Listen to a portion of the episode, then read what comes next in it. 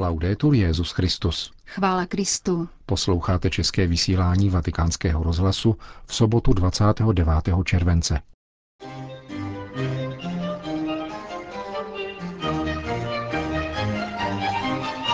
V Indonésii začíná Azijský den katolické mládeže. Snažíme se přispět k lepšímu vzájemnému porozumění mezi těmi, kterým hrozí, že budou prezentováni jako dva protikladné póly říká státní sekretář svatého stolce o své nadcházející cestě do Ruska. Liturgickou památku svaté Marty, patronky hospodyň, si připomeneme v závěru našeho dnešního pořadu, kterým provázejí Milan Glázer a Jana Gruberová.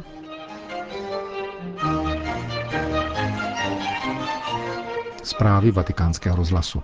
Indonésie. Do 11 ze 37 diecézí indonéské církve se sjíždějí mladí lidé z více než 20 států azijského kontinentu, aby se v místních katolických společenstvích připravili na sedmý azijský den mládeže. Ve dnech 2. až 6. srpna jej bude hostit město Yogyakarta na střední Jávě.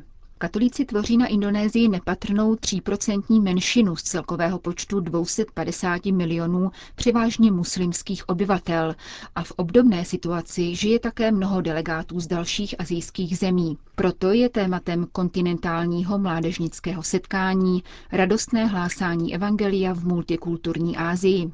Nevyhnutelný náboženský kontext se projeví také na programu setkání, který předpokládá vystoupení zástupců jiných náboženských skupin, vysvětlil hlavní organizátor Antonius Harianto deníku La Stampa. Podle předsedy Indonéské biskupské konference Ignácia Suharia se Azijský den mládeže kromě katecheze a liturgie zaměří také na formaci mladých lidí, obklopených pluralistickou společností a konfrontovaných s chudobou, znečištěním životního prostředí, porušováním lidských práv, drogami, nesnášenlivostí a nespravedlností. Právě zmíněná chudoba neumožní účast mnoha národních delegací. Ku příkladu několik srýlanských diecézí ve čtvrtek oznámilo, že není schopno pokrýt náklady na vyslání svých delegátů.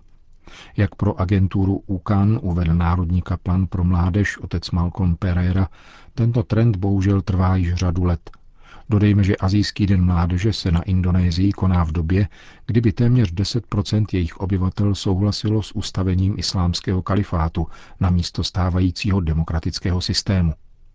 Proti nárůstu vlivu extremistických skupin v čele s islamistickým uskupením Hizbut Tahir Indonésia, který země zaznamenala zejména v uplynulém roce, míří červencový dekret indonéského prezidenta Joka Vidoka, opravňující vládu k rozpuštění jakékoliv skupiny, která by ohrožovala národní bezpečnost a jednotu. O vydání dekretu požádalo 14 muslimských indonéských organizací v čele s vlivnou náboženskou obcí Nadlatul Ulama. Islamistický extremismus totiž ohrožuje pluralistické soužití v moderní Indonésii a odporuje principům její národní filozofie, zvané Pankasila – hnutím této indonéské charty o pěti principech je heslo Jednota v rozdílnosti, ke kterému se v duchu apoštolské exhortace Evangelii Gaudium přihlásili rovněž mladí azijští katolíci. Řím. Často jsou dnes zdůrazňovány diference mezi západními zeměmi a Ruskem, jako by šlo o dva odlišné světy, dva odlišné póly, konstatuje kardinál Pietro Parolin v rozhovoru pro italský měsíčník Il Regno a vybízí v něm k prohloubení lepšího vzájemného porozumění. Po své návštěvě Běloruska před dvěma roky a loňské návštěvě Ukrajiny se vatikánský státní sekretář vydává letos v srpnu do Ruska. Tato cesta by neměla vyvolávat překvapení. Pozornost, kterou věnuje svatý stolec východní Evropě, není dnešního nýbrž dávného data a nepolevila ani v těch nejtemnějších letech, vysvětluje kardinál Parolín a dodává. Vždycky totiž považoval tyto vztahy za důležité a v různých historických obdobích s východní Evropou a Ruskem udržoval kontakty. Jde o to přispět k lepšímu vzájemnému porozumění mezi těmi, kterým hrozí, že budou prezentováni jako dva protikladné póly. Pokračuje italský kardinál a dodává, že snaha o vzájemné porozumění neznamená blahosklonost jednoho ke stanovisku druhého, ale spíše trpělivý, konstruktivní, otevřený a zároveň úctivý dialog – pro svatý stolec, vysvětluje kardinál, by otázka míru a hledání řešení aktuálních krizí měla stát nad jakýmkoliv národním či jednostranným zájmem. Tady nelze být ani vítězi, ani poraženými. Diplomacie katolické církve je diplomacií míru, která nemá mocenské zájmy a nic nehledá pro sebe. Nýbrž je lidsky obtížným, ale evangelicky nezbytným pokusem o to, aby spolu sousední světy začaly opět diskutovat a přestali se drásat nenávistí dříve než bombami, vysvětluje kardinál Pietro Parolin význam svojí nadcházející návštěvy Ruska. Musíme prokazovat konkrétní gesta a znamení, která budou pramenem možností společného soužití. Dělat gesta a vyžadovat je. Rusko. V novém katechismu Ruské pravoslavné církve se objevila jedna nová pasáž, která sankcionuje nesouhlas s ekumenickými postoji ruského pravoslaví. Informoval o tom vatikánský deník Osservatore Romano. Církev odsuzuje toho, kdo za použití falešných informací znehodnocuje práci pravoslavné církve, která vydává svědectví před nepravoslavným světem a vědomně očerňuje církevní autority, když je kvůli tomu obvinuje ze zrady pravoslaví. Kdo se proviní takovýmto jednáním, vystavuje se kanonickým sankcím. Tak zní návrh textu, který se schválením patriarchy Kirila publikovala a předložila k diskusi Biblicko-teologická komise při ruském patriarchátu. Myšlenka vydat nový katechismus se zrodila na Radě ruských pravoslavných biskupů v roce 2008 a první verze tohoto textu byla redigována loni v lednu a potom předložena ke schválení posvátné synodě autonomních církví Moskevského patriarchátu, primasovi zahraniční ruské pravoslavné církve, představitelům synodálních institucí, teologickým školám a diecézním biskupům, kteří vyjádřili přání podílet se na tomto procesu. Některé části textu týkající se základů pravoslavné víry, kanonického práva, liturgie a morálního učení byly v důsledku tohoto procesu upraveny, jiné byly označeny za neoddiskutovatelné. Mezi nimi je text o základních principech postoje ruské pravoslavné církve ve vztahu k nepravoslavným, který cituje pasáž, jež vzešla na vše pravoslavném setkání v Soluni v roce 1998. Tato pasáž, citovaná v úvodu, se vztahuje nejen na schizmatiky, ale také, jak říká dále, na některé extremistické skupiny uvnitř pravoslavných církví, které používají téma ekumenismu ke kritizování církevních představitelů a snaží se tak vytvářet rozdělení a schizmata. Sana. Dva roky od začátku války v Jemenské republice dospěla země do nejhorší humanitární situace v rámci celého světa. Uvedl pro naše mikrofony mluvčí Světového potravinového programu Rowan Brundert. Ředitel této instituce OSN právě zakončil návštěvu Jemenu spolu s řediteli dalších agentur Spojených národů, Dětského fondu OSN a Světovou zdravotnickou organizací. Včera v Adenu informovali o nejhorší světové epidemii cholery v kontextu hladomoru. Hovoří Ruven Brunert.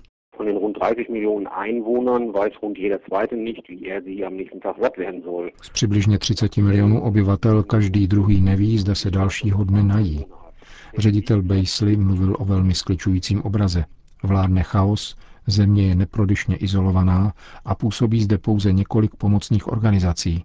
Infrastruktura byla zničena a to znamená, že nefunguje zdravotnický systém, zásobování vodou a kanalizace. Některé regiony se doslova proměnily v kloaku, což je ideální živná půda pro choleru, která tam řádí od dubna. Složitost situace vyžaduje úzkou spolupráci tří zmíněných institucí, podotýká Brunert. Avšak nezastírá, že se jedná o začarovaný kruh. Špatné hygienické podmínky a nedostatek potravin zvyšují možnost nákazy. Brzy v Jemenu začne období dešťů, čímž se hygienická situace ještě zhorší. Ještě před třemi měsíci v Jemenu žádná cholera nebyla. Nyní tu máme 400 tisíc podezřelých případů a 1900 lidí, kteří nemoci podlehli. Naše pomoc tedy vyžaduje stále novou organizaci, aby se zaměřila na nejpotřebnější. Kromě nemocných to jsou ženy, seniori a děti. Jak sdělila delegace OSN, důležitou roli v poskytované pomoci sehrávají sami Jemenci, kteří se do ní dobrovolně zapojují. Odhadem 30 tisíc zdravotnických pracovníků dochází denně do práce, ačkoliv už 10 měsíců nepobírají plat. Die Bevölkerung ist äh, trotz dieser Leiden eng zusammengerückt und äh, Obyvatelstvo se navzdory utrpení pevně semklo. Oficiálně mluvíme o 16 tisících dobrovolníků, kteří nezištně vzdorují stávající krizi. Pomáhají v nemocnicích, pečují o hladovějící, zraněné a nemocné. Také obcházejí domácnosti, aby informovali o nejnovějším vývoji situace, protože nesmíme zapomínat, že také informační systém je zcela nefunkční. Bez nasazení mnoha dobrovolníků by se důsledky konfliktu zvládaly ještě mnohem hůřeji než dosud.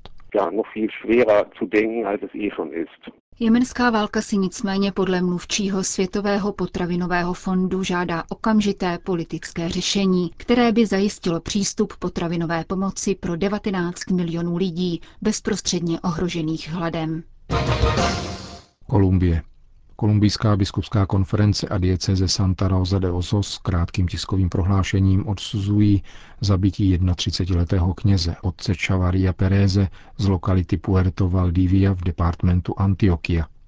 Tělo mladého muže, který přijal kněžské svěcení před pěti lety, bylo nalezeno v oblasti, ve které je aktivní Národní osvobozenecká armáda, skupina vedoucí mírová jednání s kolumbijskou vládou v Ekvádoru. Věřící z farnosti Raudal očekávali, že jejich farář bude sloužit mši svatou ve čtvrtek ráno. Když se ale nedostavil, vydali se jej hledat. Zpráva o smrti otce Peréze se rozšířila až po 24 hodinách, protože pro bezpečnostní síly bylo složité vstoupit na místo zločinu kontrolované gerilovou skupinou. Marta z Betánie je vzorem domáckého přijetí a pevné víry. Její pohostinnost vůči Ježíši poukazuje na důležitost domova, vnímaného jako rodinný krb, o který je nutné pečovat. Odkazuje tak na ústřední postavení rodiny, což je na výsost důležité, uvedl pro italský deník Avenire otec Giorgio Mariotti, farář umbrijského Astuči, který dnes udělil zvláštní požehnání ženám, které vytvářejí zázemí manželovi, dětem a starnoucím rodičům. Marta, patronka hospodyň, kuchařů a hoteliérů, vedla domácnost, věnovala se hostům a kuchyni, byla paní domu. Je to vysoce aktuální postava, pokračuje italský kněz, s poukazem na papeže Františka, který, jak dodává, opakovaně vyzývá k přijetí nejslabších členů společnosti, Památka svaté Marty je tudíž příležitostí, jak upřít větší pozornost na roli ženy v domácnosti, která je dnes vysoce opomíjená, avšak nikoli proto méně důležitá, zdůrazňuje otec Marioty.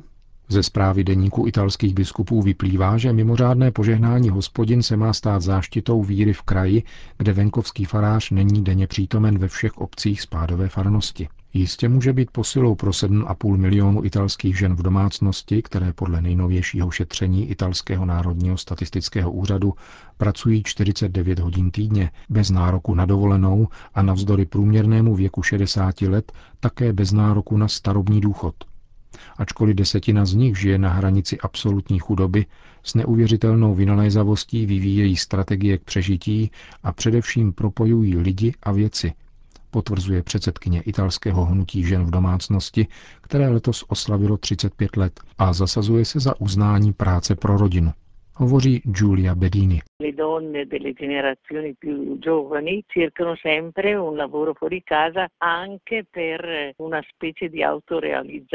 Ženy z mladších generací si stále častěji hledají práci mimo dům, také kvůli určité seberealizaci, které podle jejich názoru v péči o rodinu nelze dosáhnout. To je negativní skutečnost a volba mezi prací a rodinou je tak stále složitější a vlastně k ní ani nedochází.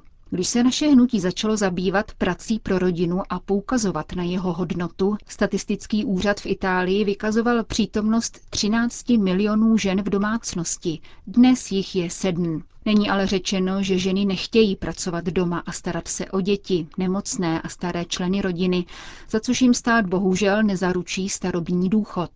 Ve skutečnosti to ani nemohou dělat, protože manželův plat nestačí na pokrytí všech nákladů a navíc rodina, kde žena nepracuje mimo dům, tak nemá ani jistou budoucnost.